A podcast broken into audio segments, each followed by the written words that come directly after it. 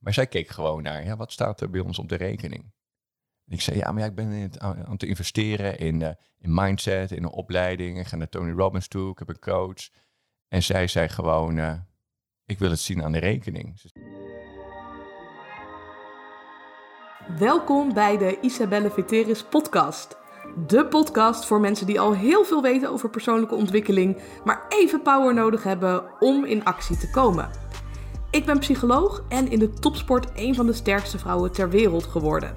En samen met experts leer ik je binnen een uur hoe je stopt met uitstellen en met een topsportmentaliteit in actie komt.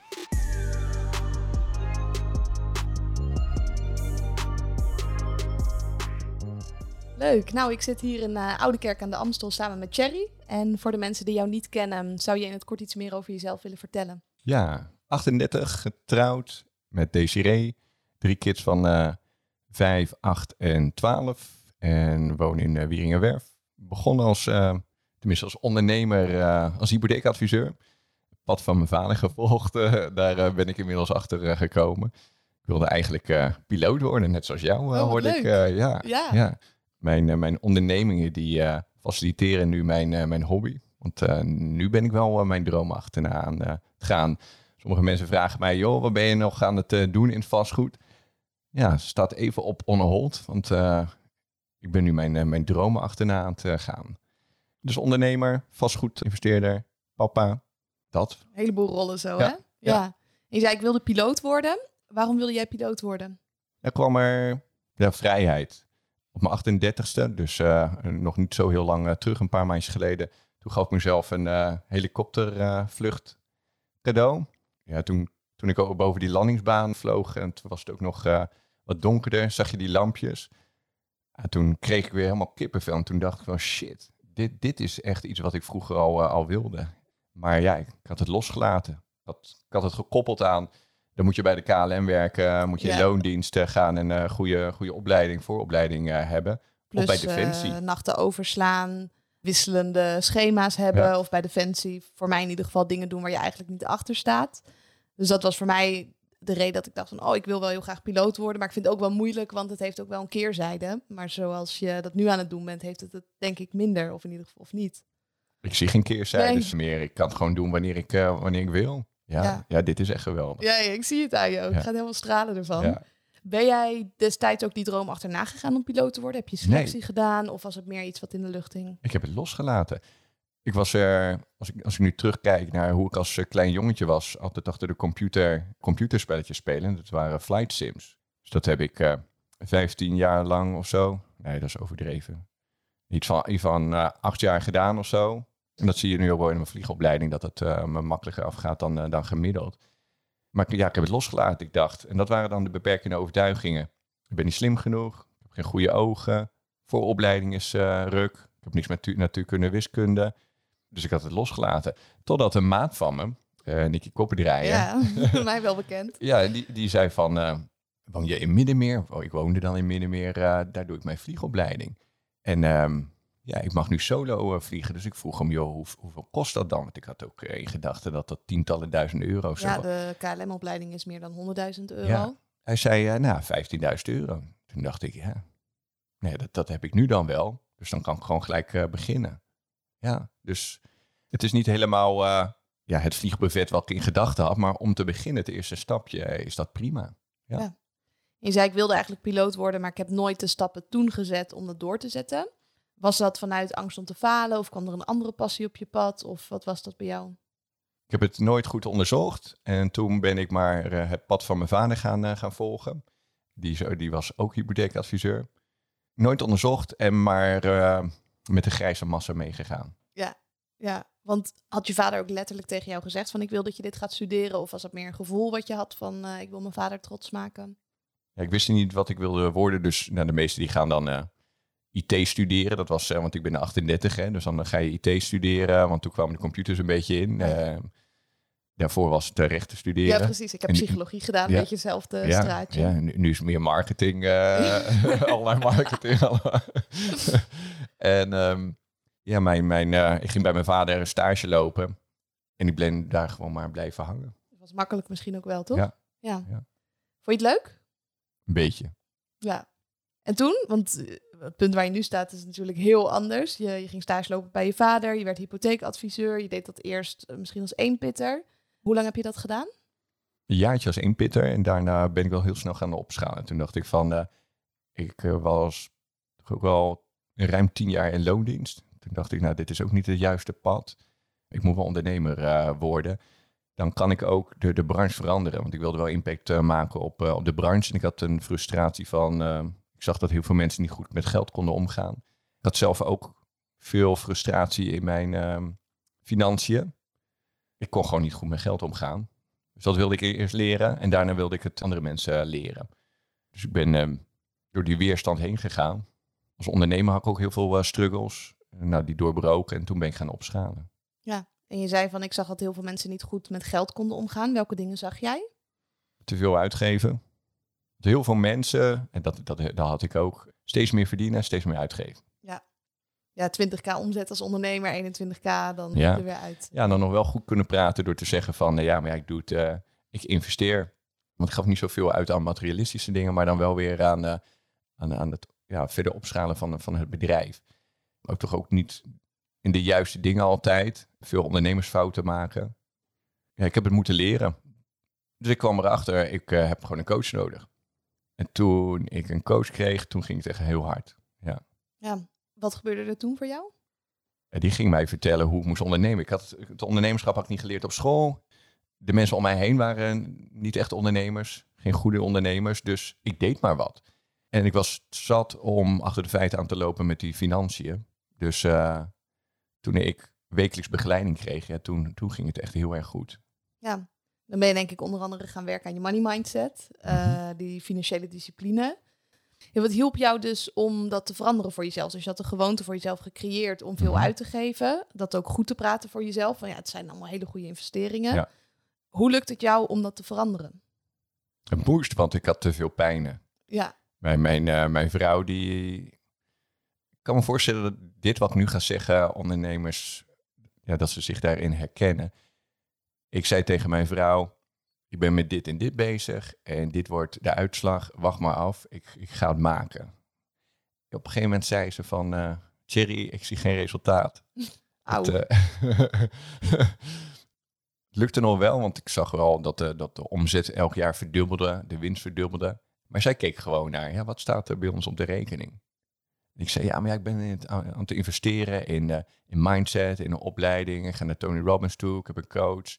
En zij zei gewoon, uh, ik wil het zien aan de rekening. Ze zei het niet met die woorden, maar ze zei wel, presteer, laat het me zien.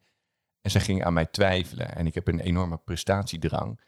Dus ja, als je mij vraagt van, um, voor wie doe je dat allemaal? Hè? Want dat, dat werd me ook wel eens gevraagd. Doe je, dat je zo'n prestatiedrang hebt, doe je dat voor jezelf, voor je vader, je moeder, weet ik veel Toen dacht ik, nee, ik doe het toch ook wel deels voor Desiree, die me zo streng aanpakte. Maar het was ook gewoon de waarheid. Joh, laat maar zien dan dat die 70 uur werken, dat die ook echt uh, in belang zijn van ons gezin. Want wij doen nu ook de offers. We willen resultaat zien. Vanuit pijn ja, ben ik in actie gekomen. Ja. En was het dan voor jou om uiteindelijk meer euro's naar jezelf over te maken? Was dat een een uitdaging? Ja, het, het, heeft toch ook wel met uh, hoeveel voor jezelf uh, waard. En ik zag ook wel dat ik af en toe mezelf aan het, hoe zeg je dat ook alweer? On, onbewust was ik mezelf toch wel aan het, aan het klein houden. Ja, ik als je mij vraagt, wat, is het belangrijkste geweest? Wat zijn de, de, de, lessen geweest in de relatie met, met, met geld wat moesten verbeteren? Hoeveel vind je jezelf waard? Durf je jezelf eerst te betalen? ja, dat moest allemaal veranderen. Ik heb heel veel gehad aan de mensen om mij heen. Ik heb mensen die beter presteerden in, in het in geldmanagement, die heb ik om me heen verzameld. Dat is meteen een mooie tip, denk ik, voor de luisteraar. Van zorg dat je niet alleen gelijkgestemden om je heen hebt, maar mensen die juist al een stapje verder zijn. Die je dan mee omhoog trekken en waar je dan van kan leren. Ja. En wat deden zij anders dan wat jij deed? Je noemde al van uh, bijvoorbeeld jezelf eerst betalen, je standaard verhogen, dus jezelf meer waard vinden, waardoor dat ook wat makkelijker gaat. Want je kan wel het geld naar jezelf overmaken, maar als je zelf alsnog dat verhaal vertelt, dan ga je er vroeg of laat misschien mee stoppen. Welke dingen hielpen jou nog meer? Accountability partners. Dus als ik uh, een doel stelde voor mezelf, dan was het daar dagelijks mee bezig zijn. Dus mijn coach die zei ook gewoon, eh, open maar je internetbankieren app. Elke dag check je eventjes wat er op je rekening eh, staat. Op je privérekening, zakelijk. Check elke dag naar ja, wat je hebt opgeschreven als doel. Zodat je er gewoon focus op hebt. En uitspreken richting je accountability partners, die wekelijks spreken.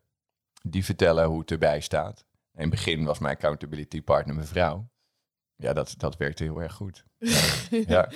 Zeker als die zo'n drijfveer was voor je. Ja. Ja.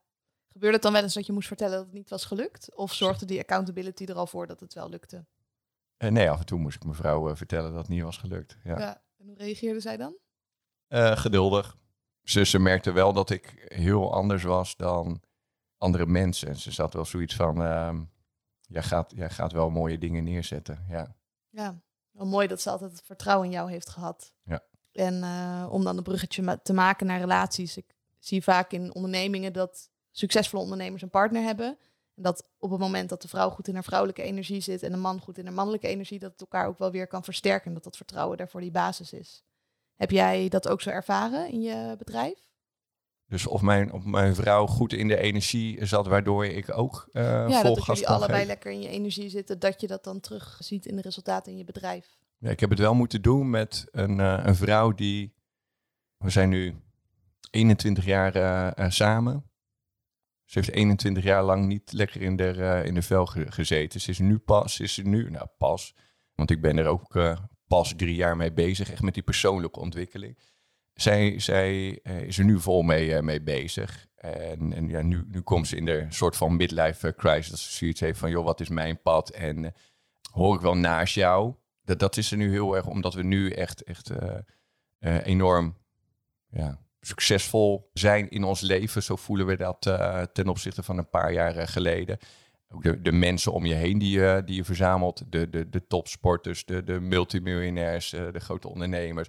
Ja, gaat zij zich, wordt ze er onzeker van? Dan vraagt zich af van, joh, eh, is dit mijn plek? Hoor ik wel eh, naast jou eh, te staan? Dus maakt haar heel erg onzeker. Maar ze voelt ook wel dat ze aan de persoonlijke ontwikkeling moet werken, omdat we anders een, ja, een te grote kloof krijgen tussen, tussen elkaar. Maar ze is nog heel erg zoekende. Maar wel Dus- mooi dat ze juist vanuit die pijn dus in beweging komt. Net zoals wat jij had op het gebied van geld. En dat zij merkt vanuit die onzekerheid van eh, er moet iets gaan gebeuren. Want eh, I need to step up my game. Ja. Dus ik merk wel dat ik eh, enorm... Ik, ik heb net enorm gesport en op Ja, ja. er nu... Komen dat soort vragen? Ja, ja, ja. Nee, niet Of, te vragen. Nee, ik, ik zweet me helemaal de pleuren. dat bedoel ik. het is ook warm. ik heb deze plek al uitgekozen, dit huisje, omdat het al eh, koeler was dan, Ja, ja. dan binnen. Maar we gaan zo nog verder afkoelen in het ijsbad. Dus dat komt helemaal goed. Ja, ik ben ook benieuwd bij jou. Misschien wil je wat meer vertellen over dat verhaal van eh, dat je in relatief korte tijd meerdere panden hebt gekocht. En je daarmee jezelf ook eh, voor het blok zet om meer misbaar te worden in je eigen bedrijf. Laten we beginnen bij het begin. Wat was voor jou de reden dat je dat doel stelde? drie jaar, vier jaar lang heb ik ervaringsdeskundigen geïnterviewd. Ik had zoiets van, eh, ik ben hypotheekadviseur, ik heb wat geleerd in de, vanuit de boeken. Zelf weet ik het nog niet echt, want ik ben niet eh, rijk.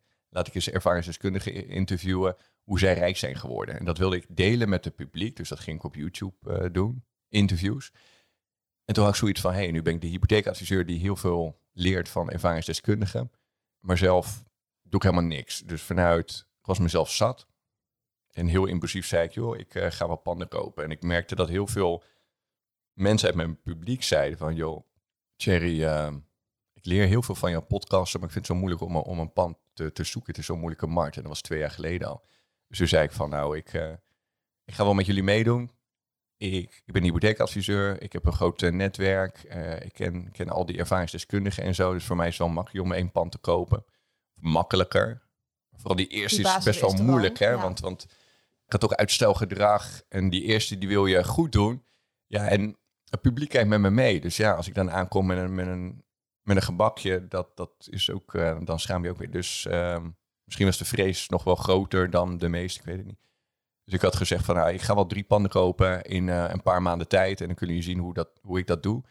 Als jullie dan met mij meedoen met één pand, ja, dan kunnen we elkaar accountable houden. Nou, dat liep uit de hand. En toen had ik gezegd van, ik ga er twaalf kopen in, in vier maanden tijd. Als jullie dan eentje kopen, dan is het voor mij eh, een onmogelijke taak. Heb ik het toch nog wat zwaarder dan, Ja. dan de anderen. Maar ik had ook zoiets van, als ik er dan twaalf in gedachten heb, dan zullen er heus wel drie uitkomen. Dan ben ik super trots op mezelf. Totdat mensen in, in mijn, ja, in mijn Facebookgroep zeiden van, eh, waren er twee, en dan focus je je dan toch weer op, die zeiden, Thierry, als jij die twaalf niet houdt, dan vind ik je, dan vind ik je maar een neppert. En dan verwacht ik wel dat je de hele Facebookgroep met, eh, met 6000 man, die gaat opheffen. Want eh, ja, hoe, hoe geloofwaardig ben je dan? En dat, dat waren er twee die, die zo reageerden van heel veel eh, enthousiaste mensen die het je, die het je gunnen. Eh, maar daar ging toch van aan. En dan heb ik een prestatiedrang. Toen dacht ik, eh, prima, vol gas geven. Ja, maar dat komt nog niet meteen, toch? Dat vol gas geven richting... Ja, ik kreeg dus de eerste twee maanden toch uitstelgedrag. Ja, Wat iedereen heeft. En, en, en mijn vrouw die zei, gast, je hebt dit helemaal niet met mij overlegd. Die, die was echt kwaad op me. Ik was weer heel impulsief. Dus ik heb ook gewoon twee maanden lang eh, ja, met mijn vrouw moeten praten om, om om, haar eh, toch wel eh, mee te krijgen. En achteraf besefte ik me, ik, ik, ik was nog vol in mijn bedrijf bezig. Dus ik ben ook twee maanden, dat is echt onbewust geweest, ben ik langzaam uit mijn bedrijf gekomen, zodat ik twee maanden vrij had om die panden aan te kopen. Ja. Heb je dat daarna weer eh, teruggedraaid? Dat je dacht, nou, Nee. doel is bereikt? Nee, hè? Nee, toen dacht ik zo, dit is gaaf. Ja, dan heb je ineens al die vrijheid waar je het eigenlijk voor doet, het ondernemerschap. En Ja. dan kan je allemaal dat soort dingen gaan doen. En je gaf ook aan van die eerste is vaak het moeilijkste. Waarom denk je dat dat zo is? Ik heb nu eh, ook mijn eerste pand helemaal afgerond en dat ook wel zo ervaren. Wat denk je dat daar de reden van is? Ja, de meesten die, die eh, volgen een cursus of, of coaching. Je hebt een perfect plaatje voor jezelf. Je, je luistert naar allemaal podcasts en mensen die het allemaal voor hebben gedaan. En die, eh, de meesten die vertellen dan vooral hun successen. En, en dat is dan je referentie. Dus je wil het goed doen. En je denkt, ja, ik heb, eh, weet ik veel, 80.000 euro bij elkaar gespaard. En dan heb ik heel lang eh, ben ik daarmee bezig geweest. Ik moet het gewoon niet verpesten. Dus, dus het is veel vrees. Ja, en ik denk dat dat met, met alles is. Alles wat je voor de eerste keer gaat doen met dit soort grote dingen. Er zit gewoon heel veel uitstelgedrag in. Dus als, je, als je dat kan loslaten van... Oké, ik ben pas bijvoorbeeld 32. Dit is mijn eerste pand van de, weet ik veel, eh eh, 20 die ik nog ga kopen. Net zoals, is dit wel een goede tijd? Als je er nu eentje koopt op een best wel eh, hoog moment... Maar als jij nog 40 jaar lang vastgoed gaat kopen, ja, dan, dan kun je dat relativeren. En dan kun je denken van, eh, nu is redelijk hoog moment. Hè, de komende vijf jaar eh, kunnen, kunnen lager eh, liggen. Maar daarna, weet je, over, over 30 jaar zal die markt toch wel weer hoger eh, liggen. Dus het is een prima moment om in ieder geval te, te beginnen. Want ja, vijf jaar geleden kon je wel beginnen, maar dat heb je niet gedaan. Ja. Dus we beginnen hoog, dat laat je gewoon los. En je accepteert dat je fouten gaat maken. Als je dat kan loslaten, net zoals dat we straks in een ijsbad gaan, gaan springen. Het is gewoon loslaten, geen controle meer hebben. Als er straks een crisis komt, waar we met z'n allen op zitten te wachten, want dan kun je eh, lager inkopen. Hoe groot is de kans dat je iets gaat kopen, terwijl eh, alle ondernemers failliet gaan en mensen worden ontslagen? Hoe groot is de kans dat je dan een pand gaat kopen? Als je dan eentje twee jaar geleden hebt gekocht in een hoge markt, je al die fouten al hebt gemaakt, dan ben je veel beter voorbereid om die tweede te kopen in een, ja, eh, een, markt waarbij eh, er wel sprake is van crisis bijvoorbeeld. Dus zo, zo zie ik het met ti- markttimen en, en, eh, en fouten maken. Gewoon loslaten en accepteren dat, dat je fouten maakt. En dan kun je die tweede kun je beter aankopen dan de eerste. Ja, en ook om die eerste te zien als een manier om te beginnen. Dus het hoeft helemaal niet perfect. Het gaat erom dat je begonnen bent, dat je dat eerste pand koopt, of dat je die eerste bitcoin koopt, of dat je die eerste squat een keer doet. En het hoeft nog niet eh, perfect te zijn. Ja. En ik vind het ook met het vastgoed, je doet het voor de komende 10, 20, 30 jaar. Dus als je hem nu misschien iets te hoog aankoopt, maar je houdt hem vast, dan maakt het ook niet zoveel uit als je cashflow maar klopt en als de waardestijging maar klopt en je huiswerk goed hebt gedaan. Maar eh, ik merk ook bij mezelf dat het moeilijkst is om er uiteindelijk die klap op te geven. Hè. Je kan de hele dag kan je bezig zijn met vastgoed. Maar niet iedereen haalt er dan resultaat mee. En soms mensen die er minder tijd mee bezig zijn, die halen meer resultaat. Of zoals jij eh, anderhalve maand bezig was met eh, die twaalf panden. De, meeste mensen lukt het nog niet eens om dan één pand aan te schaffen. Nee. Het lekker is dus, die eerste gaat moeilijk. En daarna gaat het heel snel achter elkaar. Als je eenmaal eh, ja, warm bent eh, gelopen. Wat ik vooral ook wilde is eh, van die twaalf panden, ik wilde alles wat verkeerd ging, wilde ik opnemen en delen. Zoals op de laatste dag kreeg ik eh, te horen van de aankoopmakelaar, joh, je, je bent vijf eh, van de twaalf, van de dertien panden, ben je kwijt, want de notaris die is vergeten om de aflosnoten op te vragen. En dat kan je dan accepteren. Hè? Iedereen bij een eerste pand die krijgt gewoon te maken met tegenslagen. En ik kreeg er dus gelijk eh, vijf voor me kiezen die niet doorgingen. Ja, hoe ga je daarmee om? Ook dat heb ik allemaal gefilmd. Ik dacht, kijk, wat me nu gebeurt, dat ik op instorten sta. Ja. Eén dag voor, voor passeren krijg ik die vijf panden niet. Ja, ik ga het gewoon allemaal filmen. Dus ik, had- ik had een filmpje gemaakt wat er nu allemaal in me om eh, eh. En ja, mijn aankoopmakelaar die had er best wel veel tijd in gestoken om het weer op te lossen. De verkoper, de hypotheekadviseur van de verkoper. En het lukte ze allemaal niet. Er waren vier mensen, want ook de notaris, die op me in zaten te praten van het is ons niet gelukt. Eh, leg, leg je erbij neer dat je die vijf panden kwijt eh, bent. En toen had ik zoiets van, ik ga me er niet bij neerleggen. Ik eh, ga tot, eh voordat, totdat ik slaap. En het was vijf uur smiddags, dus alles was eh, dicht. En ik ben tot elf uur s'avonds, voordat ik ging slapen, ben ik bezig geweest met alles oplossen. Ik ben gewoon alle mensen gaan bellen die me eventueel konden helpen. En dat is ook in die, in die, na die twee maanden van uitstelgedrag. Als je me vraagt, wat, wat zijn de ingrediënten waardoor het je wel is eh, gelukt? Ik heb hulp gevraagd. Ik ben al die mensen gaan bellen van, ja, je, je weet toch eh, dat ik een challenge heb gedaan. Het lukt me niet. Eh, zou je mij kunnen helpen? Waar, waar wil je mee geholpen worden? Nou, dit, dit en dit. Toen ik dat ging doen, toen ging het echt heel erg hard. Ja, dan ben je niet meer in je eentje aan het werk, maar met 10 of 20 Ja. of 30 mensen. En dan is dus de vraag, hoeveel heb jij gegeven aan de mensen om je heen? Want je kan wel om hulp vragen, maar als jij nooit hebt gegeven, dan heb je gewoon geen wederkerigheid eh, opgebouwd en dan gaat het niet werken. Maar ik had ja, iets van drie jaar lang had ik mensen geïnterviewd. Ik had daar geen geld voor gevraagd. Het publiek wilde eh, helpen. De makelaars om me heen. Opeens ging ik, ging ik verzilveren. De wederkerigheid die ik had opgebouwd. En ging ik dus in plaats van geven, ging ik ontvangen. En ja, dat moest ik ook leren. Ik wou net zeggen, ik kan me voorstellen dat dat ook een uitdaging is. Ja. Wat voor gevoel gaf dat dan dat je dat terugkreeg in het begin? Ja, heel mooi. De bevestiging dat ik eh, heel goed kan geven. Ja, En nu leer ik om heel goed te ontvangen. ja precies. Dat heb ik ook echt moeten leren. Dankjewel zeggen. Niet meteen wat terug willen doen of een Ja. complimentje terug willen geven, maar het echt eh, binnen laten komen. Ja. Ja. Mooi dat dat zo eh, voor jou heeft gewerkt. Ja. En je gaf ook aan van ik deed de challenge omdat heel veel mensen in mijn omgeving aangaven dat het krijgen van een pand het moeilijkste was. Heb je dat ook ervaren dat het vinden van een pand het, het meest uitdagende is in het hele proces? Daar heb ik dus heel veel hulp bij eh, gehad. Ja. Er gebeurden twee dingen.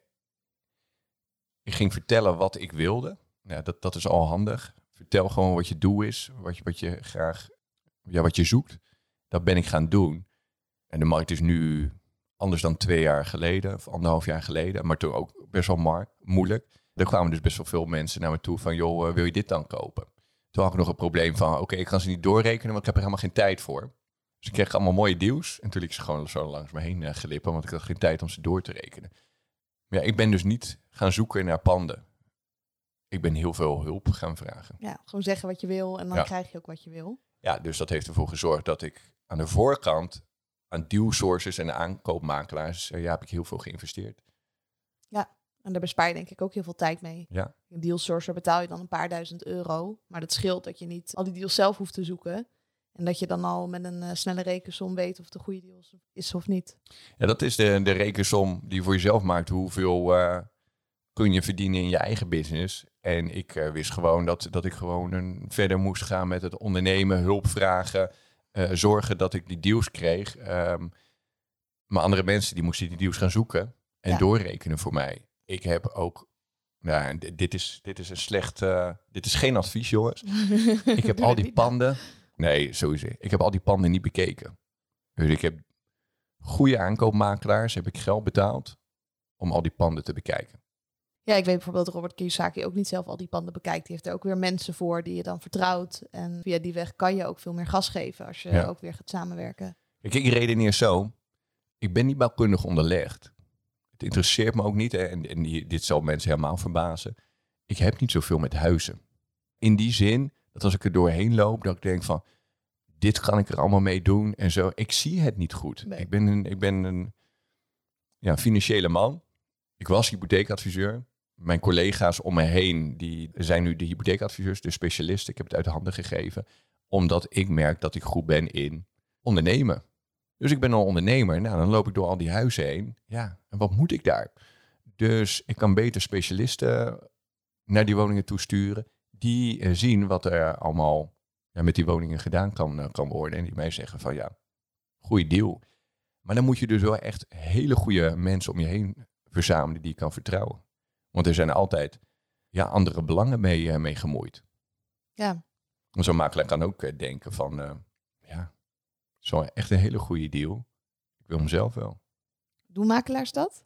Ja, er zijn het, makelaars die dat doen. Ja, zeker. Ja, ik heb namelijk het idee, ik heb ook bijvoorbeeld beleggingsadviseurs gesproken die zelf geen beleggingen hadden, of hypotheekadviseurs die alleen maar één woning zelf hebben, en ook makelaars die niet in het vastgoed zitten, maar het alleen maar doorspelen. Er zullen ongetwijfeld ook makelaars tussen zitten die dat natuurlijk. eh, Ja, als je, als je een hypotheekadviseur eh, vraagt of een makelaar van, eh, joh, maar investeer je zelf dan ook, want kun je erover meepraten? Kijk, dan kunnen ze het goed praten door te zeggen van, daarom ben ik onafhankelijk. ja, Want- ja, precies. Want ik heb er geen belang bij of ik je nou wel vertel om het niet te doen of wel te doen. Ehm, ik dien alleen maar jou en, en meer niet. Dus ja, dan denk je ook van, ja, dat, dat is Klinkt waar. goed, Ja, ja. Klinkt, klinkt goed. Maar toch ja, heb ik in de afgelopen jaren wel echt gemerkt dat het eh, fijn is om met een hypotheekadviseur te spreken of met een makelaar die het op zijn minst ja, het kuntje zelf ook wel heeft gedaan. Gewoon die emoties er, eh, erbij eh, bij heeft die jij ook hebt. Ja, ik heb dat zelf ook. Of dat ik aan dealsourcers vraag hoeveel panden ze hebben. En als ze er nul hebben, dan heb ik al mijn twijfels. Want dan snap je het spelletje nog niet helemaal. Of andersom ook. Als ik een coach zoek, dan wil ik ook dat die weer een coach heeft. En die weer een coach heeft. Want dan is het integer. En als het niet integer is, en dat is voor mij de belangrijkste kernwaarde, dan eh, voelt het voor mij ook niet goed om het te gaan doen. Ik ben ook benieuwd bij jou, wat, is, wat zijn voor jou je belangrijkste kernwaarden die je hebt? Is dat ook een stukje integriteit of juist weer hele andere dingen? Ik vind het belangrijk dat de mensen om mij heen zich aan de, aan de afspraak houden. Als ik collega's selecteer voor een, voor een eh, nieuwe functie bijvoorbeeld, dan vraag ik ook naar de kenwaardes. Ik vind het heel erg belangrijk eh, dat de mensen zich aan hun afspraak eh, kunnen houden. Met, met klanten bijvoorbeeld, maar ook met mij. De mensen die, het, die zoiets hebben van, ik, het is nog niet erg om vijf minuten te, te laat eh, te komen. Ja, daar, daar kan ik niet goed tegen. Heb je ook de goede coach uitgekozen, denk ik. Die kan er ook al helemaal niet tegen. Nee. Dus dat, dat is een, een kernwaarde. Ja, Ja. integriteit vind ik heel erg belangrijk. Ja, ik denk eh, aan, je, aan de afspraken houden en integriteit. Dat, dat zijn eh, twee eh, van mijn belangrijkste kernwaarden. Dus eh, daar, daar zoek ik de mensen om me heen uit. Andere kernwaarde voor mij is energie. Dus vandaar dat ik ook meerdere keren per week sport en ijsbaden neem en andere dingen doe. En vanuit daar komt ook mijn stelling: elke ondernemer zou minimaal drie keer per week moeten trainen. Ben je het daarmee eens? Zeker. En waarom? Nou, als je mij vraagt, train je zelf ook?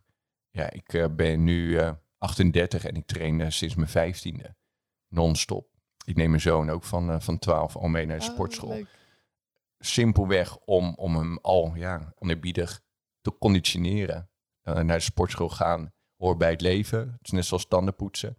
En het is niet altijd leuk. Het is soms afzien. Soms heb ik, eh, ziet hij ook aan mij dat ik geen zin heb om naar de sportschool te gaan. Maar ik ga wel. Ja, het hoort bij het leven. Fit, fit blijven. Ja, en ik ga nu naar Amsterdam toe. En daar train ik met mensen die er nog een stuk fitter zijn over het algemeen dan, dan ik. Ja, die nog fanatieker zijn. Daar krijg je heel veel energie van. Ja. Ja. ik kan me voorstellen. En mooi ook dat je het laat zien aan je kind. Heel veel ouders die zeggen wel wat hun kind moet doen. Dat ze niet te veel op schermen moeten zitten en buiten moeten spelen. Maar ja, als ze zelf het verkeerde voorbeeld geven, dan eh, werkt het toch niet. Ja, zij zien mij elke dag in mijn boekje schrijven wat ik uit mijn dag wil, eh, wil halen. Dat zien ze. Ze zien mij elke ochtend komen zij beneden en dan zien ze mij weer drijfnat naar binnen eh, toe komen. Ze weten dat ik elke ochtend in een bad, koud bad eh, lig. Het is niet echt een ijsbad. Het is, eh, dus daar moet ik wel eerlijk in zijn. Het is gewoon zo, zo koud als je je douche kan, kan zetten. dus, dus, dus het voelt nog steeds super kut aan. Ja, ja. En in de winter. Ja, in de winter is het wel. Ja, ja in, de, in de winter is het wel, wel koud. Ja, en ze, zien me, en ze zien me sporten. En ze zien me ook dat ik hun naar school breng elke ochtend. En dat deed ik vroeger niet. Ze zien nu dat ik de tijd neem, s ochtends vroeg al, ja, voor het belangrijkste in mijn leven, de kids. En vaak lukt het mij ook om ze smiddags weer op te halen van school. En dat zijn wel dingen die ik uh, mijn kinderen wil meegeven. Ja. Ja. In plaats van, en dat ook vroeger, 70 uur per week werken en dan vertellen, kids, ik doe het voor jullie. Ik ga je nu afwijzen, want ik heb geen tijd voor je. Maar over, over een paar jaartjes, dan uh, kunnen jullie de vruchten ervan uh, van plukken. Ja, wat ik merkte aan de ondernemers die een paar stappen verder dan mij waren, die zaten nog steeds in die red race. En dan is het resultaat dat ze straks ja, 18 zijn en dat ze een dikke middelvinger opsteken en zeggen, ja pa, nou heb ik geen tijd meer voor jou. Ja, en misschien ben je op dat punt dan uiteindelijk wat je bereikt wil hebben, maar dan lukt het je alsnog niet om die rust te nemen, omdat de gewoonte is om die 60, 70 uur per week te werken. Ja, ja dus Tibor die, um, die, die begeleidde mij een paar jaar en die zei, uh, Thierry, besef je wanneer het genoeg is? Kijk daar vooral uh, naar en ga feestjes vieren. En, en dat deed ik nooit. Dus ik stelde een doel, dan ging ik mijn doel ook nog wat verzetten, want toen dacht ik, uh, hou hem toch al bij, ja, bijna. Precies. En vaak al was ik bijna bij mijn doel aangekomen en was ik alweer met mijn volgende doel uh, bezig. Dus heb me geleerd ook om feestjes uh, te vieren. En daar ja, hoort het vliegbuffet bij. Want dat, dat is gewoon het grootste feestje in mijn leven nu. Dus ik heb nu mijn vliegbuffet voor mijn gewone vliegtuig. En ik ben nu bezig met mijn helikopterbuffet. En dat doe ik drie keer per week. Dus ik ben nog meer met mijn vliegbuffet bezig dan met werk. Ja, en dat is, dan, dan maak je gewoon een heel feestje van je leven. Ja, precies. Dat zijn de fijne momenten, toch? Ja. Ik heb hetzelfde. Ik hou heel veel plezier dus uit trainen. Dus drie, vier, vijf keer per week. Dan uh, stop ik gewoon om half vier met werken. Ga ik trainen, ga ik het ijsbad in de sauna in. En daardoor ben ik ook super productief. Want ik weet dat ik om die tijd ga stoppen. Want dan staat die training op me te wachten. Ja. En dat is ook hetgene waar ik heel veel plezier uit haal. Ik ook heel veel plezier gelukkig uh, uit mijn werk. Zou dat niet willen missen, maar wel een balans erin hebben dat je dat niet alleen maar doet.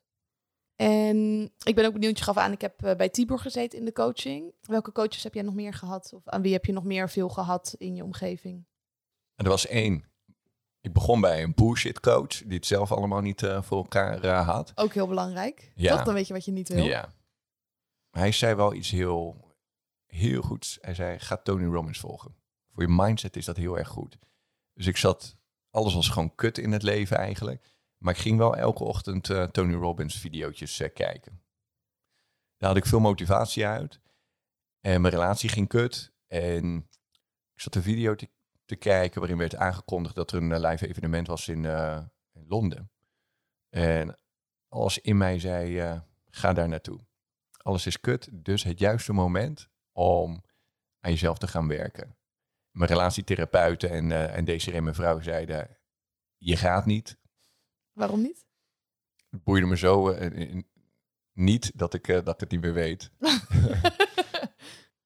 ja, ze vonden het niet het juiste moment, de relatietherapeut. En Desiree die, die uh, zei, gaan we nog meer uit elkaar groeien? Ik, ik, weet niet meer wat, wat, wat alle redenen waarom, waar, waarom ze dat niet wilden.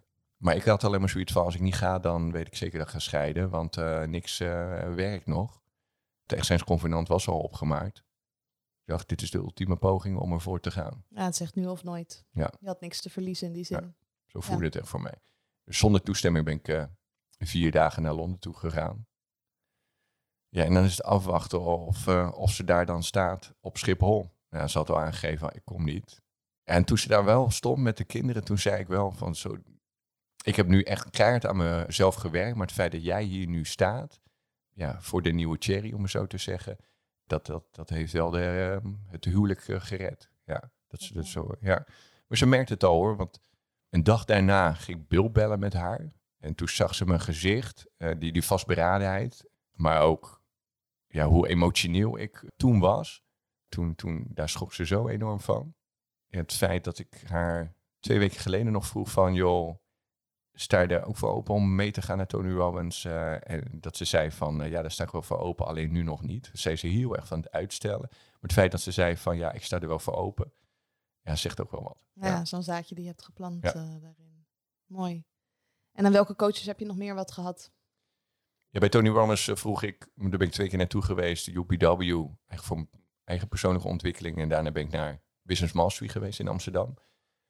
Daar vroeg ik een succesgids die je toen organiseerde van, eh, joh, wie is de beste implementatiecoach? Want ik, ik hoor nu zes dagen lang was, of wat, eh, vijf dagen, dat was in Amsterdam. Wie kwam me el- bij elk stapje begeleiden? En toen zei zij dus Tibor Olgers, Mark Zoons, zijn collega. Ja. Die, ja, we zijn, we zijn nu meer vrienden geworden. Hij zei van, eh, joh, van alle ondernemers die wij begeleiden, ben je wel een van de weinigen die echt zo fucking veel implementeert. En, en ehm, ja, ik zou je wel als accountability partner eh, willen hebben. Dus elke dag stuur ik mijn Hemra Journal in bij hem. Dat doe ik nu al zo'n ruim anderhalf jaar. Consistent elke dag. Erwin van Beek voor het, voor het sporten. Ellen van Vliet, mijn relatietherapeute, relatiecoach. En haar heb ik heel veel eh, gehad. Wat heb je aan haar gehad? Ik ben me steeds meer ook aan het verdiepen in relaties. Ja. Ik vind het machtig interessant. Ik heb het ook helemaal verkeerd gedaan. En nu ben ik het volgens mij steeds beter aan het doen. Dus ik ken ook alle valkuilen. Ja, leren hoe ik met vrouwen moet omgaan. Dat, dat is al één. dat is een uitdaging Dat heb ik niet echt van mijn ouders eh, geleerd. En Desiree is, is mijn, mijn tweede, was mijn tweede vriendin. Ja, daar had ik het met mijn zus ook over. Ze zei, ja, ik heb zoveel voorsprong, want ik heb, eh, weet ik veel, 15 vriendjes eh, gehad. En jij bent al heel snel in een lange relatie gegaan. Dus ja, alles wat je fout deed, ja, dat, dat, dat eh, krijg je af en toe nog steeds zo om je oren. Ja, dat is het kutte van een lange relatie, hè? Ja, ja, precies. Wat ben je anders gaan doen daarin in je relatie? beter nadenken over, ehm, over mijn gedrag. Ik ben best wel impulsief. Mezelf altijd op nummer 1 zetten. Als je mij ook vraagt, eh, joh, heb je, een, eh, heb je een goede mindset om een topsporter eh, te worden? Ja, ik kan mezelf heel goed op nummer 1 zetten. En ik kan eh, heel goed zeven dagen per week sporten. Daar, daar ligt niet mijn valkuil op me zo te, te, te, te zeggen. Maar juist je partner op, op, eh, op een voetstuk eh, zetten en jezelf op nummer twee plaatsen, ja, daar heb ik heel veel moeite mee, mee gehad. Ja. Dus het, is, het is mijn kracht, maar het is ook mijn zwakte. Ja, precies. Want die kracht, dat herken ik heel erg, die zorgt ervoor dat je alsmaar kan doorgaan. Ik heb eenzelfde soort situatie gehad als jij, alleen dan niet in het vastgoed, maar dan in het werk. Dat ik samen met Damien Beenakker, waar we nu zitten, een challenge had. Dat we dan eh, tien weken samen gingen werken, van vijf uur 's ochtends tot negen uur 's avonds. En dan niet alleen maar werken, maar ook alle andere dingen doen. En ik had toen nog een relatie, dus ik vertelde dat vol enthousiasme aan mijn partner. En die zei toen, ja, als je dat doet, dan ga ik bij je weg.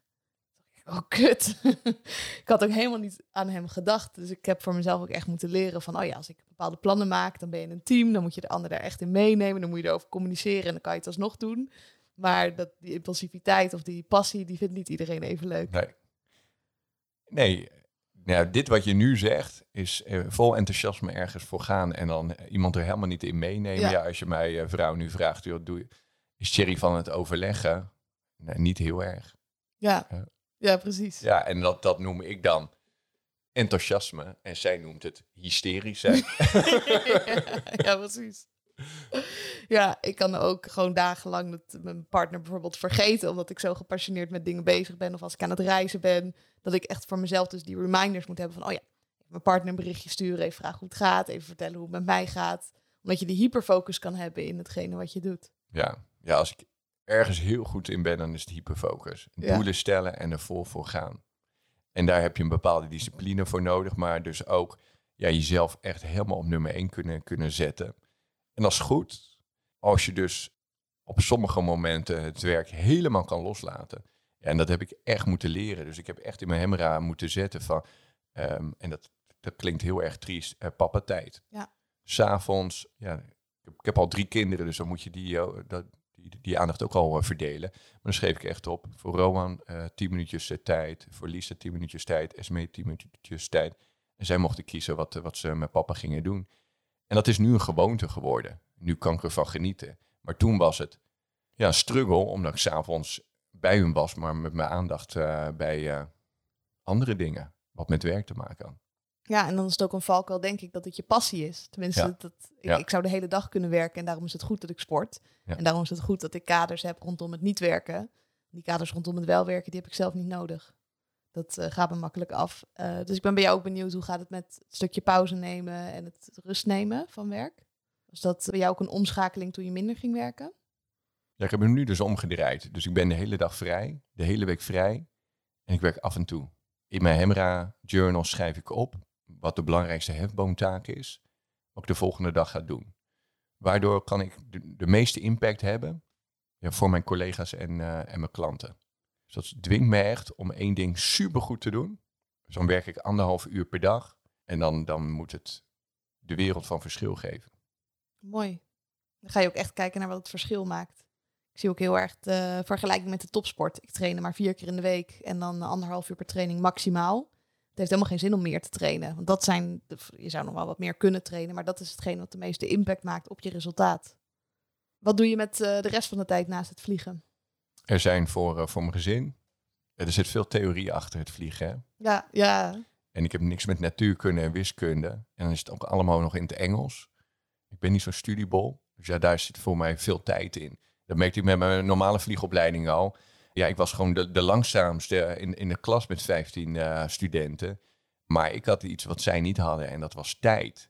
Dus ik was de eerste die was afgestudeerd. Ja, dat zijn Nicky ook van. Uh, het was eigenlijk mijn idee om te gaan vliegen. En Jerry die heeft eerder zijn ja. Ja, ja, dat is waardevol, toch? Ja, wat, wat Nicky ook deed, en dat, dat, dat vond ik, uh, was voor mij een, uh, nog een leerles, was ja, hij was bezig met het leuke en hij was al helemaal solo. En had als theorie had hij ook al gedaan, maar hij ging maar niet examen doen. En toen dacht ik, nou super waardevol, Nicky, dat jij me dat laat zien. Ja, dan, dan moet ik dus precies tegenovergestelde gaan doen. Dus ik ben eerst met mijn theorie begonnen, al te kutten. Toen wel wat praktijk er doorheen, maar niet te, te vaak. Ja, en ik, ik gaf mezelf dat als, als een feestje. Als ik mijn theorie had uh, gehaald, weer een examen van de zeven, dan mocht ik weer wat vlieglessen doen. Ja, ik zie hetzelfde ook bij autorijbewijzen gebeuren. Dan uh, ja, gaan mensen ook de theorie uitstellen. Of uh, als ze er dan aan beginnen, dan uh, falen ze de eerste keer. En daardoor duurt alles veel langer dan dat het eigenlijk had gemoeten. Ja. Ik ben ook benieuwd bij jou, ben je ook bezig met doelen stellen voor de toekomst? Of leef je zoveel mogelijk in het nu?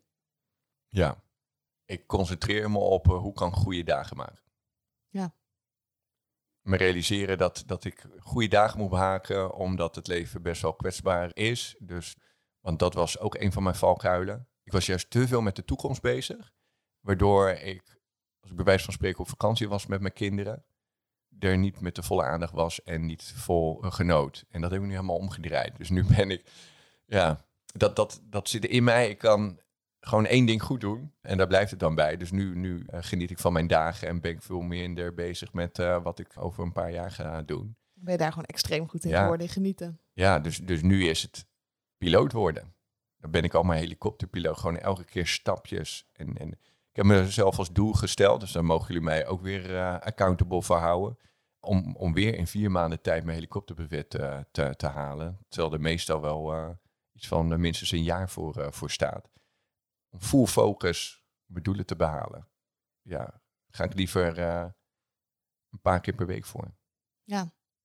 ja, en ik vind het ook makkelijker om ergens volledig voor te gaan dan dat je het half doet. Dus ik heb, uh, hier ligt ook mijn boek, die heb ik in twee weken geschreven. Full focus daarop, in plaats van dat je elke week een uurtje schrijft. heb ik op een gegeven moment ook geen zin meer erin. Ja. Herken je dat? Ja, zeker. Ja, ja. ja. ja en dan heb je ook nog die passie en die motivatie. En dan uh, nou ja, heb je uiteindelijk dat papiertje en dan wordt het ook beloond. Ja.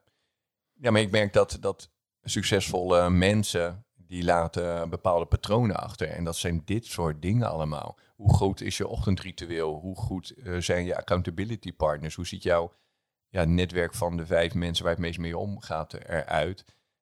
Hoeveel sport je per week? Hoe ziet je voeding eruit? Hoe slaap jij uh, per dag? Neem je koude baden? Doe je aan ademhalingsoefeningen?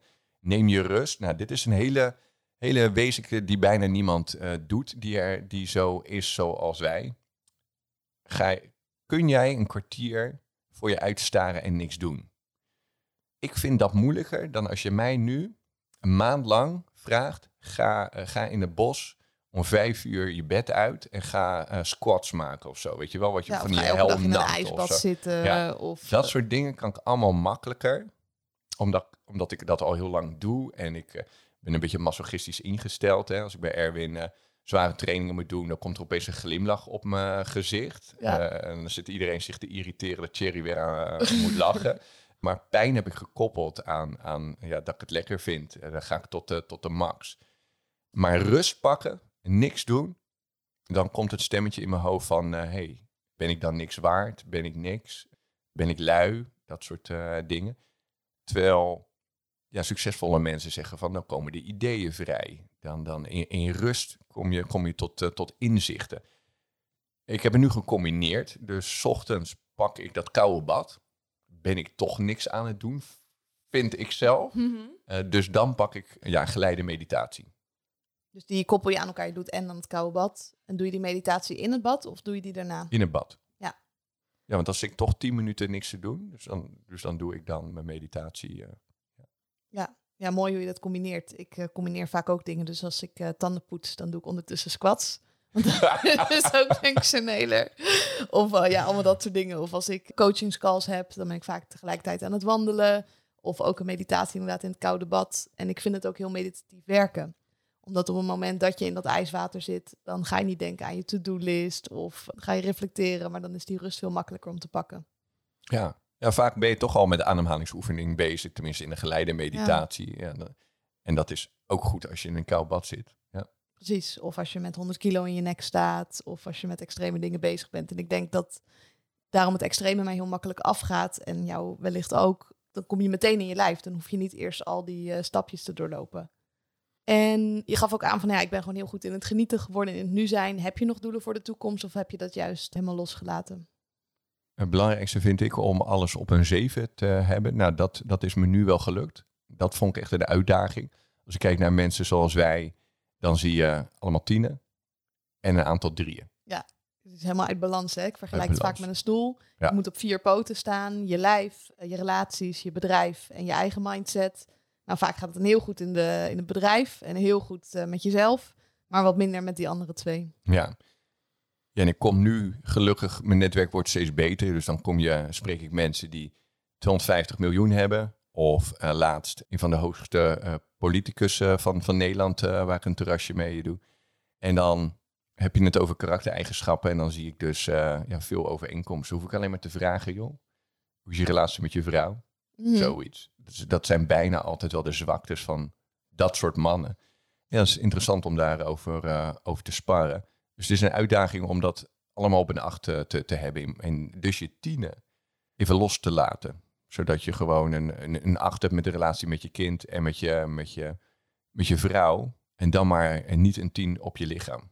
Ja, dus alles structureel verhogen in plaats van focus op één ding. En dat is nog moeilijker dan die paar tienen hebben. Heb ik gemerkt in het leven. Ik vind het interessant om het karakter op te bouwen. Ik heb in een aantal andere podcasten heb ik met mijn grote smoel gezegd, ik wil miljardair worden. Daar zit achter dat, dat je er een bepaald karakter voor moet vormen. Je moet daar goed voor kunnen netwerken, goed kunnen ondernemen, goed met relaties eh, om kunnen gaan. En het karakter ontwikkelen om dat geld te kunnen behouden. Want je kan het zo ook kwijtraken. Opbouwen van vermogen is makkelijker dan geld behouden. Dus die reis, die zou ik heel graag willen, willen maken. En dan gaat het meer om de reis dan om de eindbestemming bij jou. En Ja. meer om wie moet je zijn dan om dat doel aan zich eh, te bereiken. En dan vind ik het dus ook wel heel erg gaaf om die reis te gaan delen. Ja, gaaf. Ik heb in ieder geval al mijn vragen gesteld. Zou je nog iets laat, een laatste ding willen meegeven aan de luisteraar? Als je één inzicht hebt of één tip waarmee ze echt aan de slag zouden kunnen. Wat zou dat dan zijn? Dit is goed, dit soort podcasts eh, beluisteren. Dat eh, doe ik ook heel erg eh, veel. Nog beter is om ook te implementeren. Dus mij is honderd keer verteld, ga nou in rust mediteren. Ga nou in rust je dagelijkse doelen opschrijven. Maar er zijn weinig mensen, heb ik gemerkt, die het ook echt doen. Als je aan Tibor vraagt van, tja, ik ben toch wel een van de uithangborden eh, geworden, heb ik gemerkt bij, van, van, van Tibor. En dat kwam omdat ik heel veel deed. Hij zei me tien dingen en dan ging ik acht dingen implementeren. En toen dacht ik van, kut, heb ik er twee niet gedaan.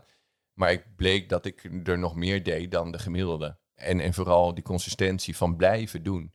Waardoor, waardoor ik een groei, groei had. En de meesten die, die doen het heel eventjes en dan stoppen ze weer. Zo doen het überhaupt niet. Ik was Ja. echt verbaasd na operatie doorbraak dat eh 80% zei ik heb me niet aan mijn plan gehouden. Ik, huh, hoe kan je dat nou doen? Maar dat, eh, Ja, en dat maakt dus, hoe mijn vrouw het noemt, ik ben hysterisch. Dus met gemak lukt het mij anderhalf jaar lang met kerst en weet ik veel wat, om gewoon die hemmer in te vullen. Ook kom ik om één uur s'nachts thuis, ik vul hem in. Weet je wie dat ook heeft en daardoor trokken wij naar elkaar toe. Uh, Alistair Overeem bijvoorbeeld, Ah. die ik tegenkwam. En, en die was bij me thuis en die vroeg, joh, wat is dat voor een boekje? Ik zeg, nou, dat is een soort van mijn dagboek. Daarmee hou ik structuur in mijn dag. Oh, mag ik eens kijken in dat boekje? Dus ik liet hem zien. Hij zegt, zo, ik heb ook wel zoiets, maar deze is nog wat, wat beter. Ik vind hem wel gaaf. Ik zeg, hier heb je een leeg exemplaar. Ik zeg, maar dan ga ik je ook accountable houden, ook als je hem gaat invullen. Hij zegt, is goed. En dan merk je dus al, hij is net zo enthousiast, gefocust, hysterisch, net hoe je het wil noemen. Hij vult hem elke dag in en rapporteert elke dag aan mij. Soms heeft hij me ingevuld, maar dan is hij, weet ik veel, in Thailand in uh, full focus. Hè. Natuurlijk, wij snappen dat hij uh, dan van zijn telefoon moet afblijven. Maar dan vult hij hem gewoon van de afgelopen vier dagen, uploadt hij hem zo. Ja, en daarin merk je dat, dat, we, dat we hetzelfde zijn. We hebben het met elkaar afgesproken. Blijf het nakomen. We zien dat het resultaat heeft. Daar, daar, er staat wel tien keer zoveel in, want hij houdt gewoon elk eiwitje en elke, ja, hoe het met zijn met slag gaat, in, of, of uh, zijn hoeken gaat, schrijft hij allemaal op. Ik vind het fantastisch om, om, te, om te zien. Ja. Ja. Op zo'n niveau. Ja, dat is uh, echt de topsoort mentaliteit en ook super belangrijk. En uh, dat mentale werk, dat is nog bijna belangrijker dan het fysieke werk. Dus ook als ik kijk naar mijn selectieperiode toen ik piloot wilde worden, toen heb ik ook een aantal vlieglessen genomen in de simulator. Maar daarna ging ik het allemaal visualiseren om het echt helemaal tot me te nemen. En zo zie ik ook dat journalen, dat je dan een intentie zet voor je dag of even terugkijkt op je dag. En daarmee dus weer een plan kan maken voor de dag daarna. En zo dus het meest ook uit je dagen kan halen. Dankjewel, hele mooie denk ik om hem uh, mee af te sluiten. Wij gaan uh, nog even door, maar uh, voor de luisteraar stopt het hier. Hartstikke leuk dat je naar deze podcast hebt geluisterd.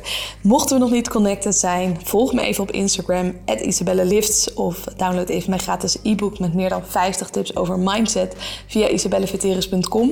En ik hoor ook heel graag wat je van deze podcast vond. En dat kan je doen door even een screenshotje te maken van de podcast zelf, via Instagram even te delen wat je ervan vond en mij natuurlijk even te taggen. Want als topsporter kan ik alleen maar leren van feedback en hoor ik ook heel graag wat je ervan vond. En uh, ik wens je ook een hele fijne dag en dankjewel voor het luisteren en tot de volgende keer.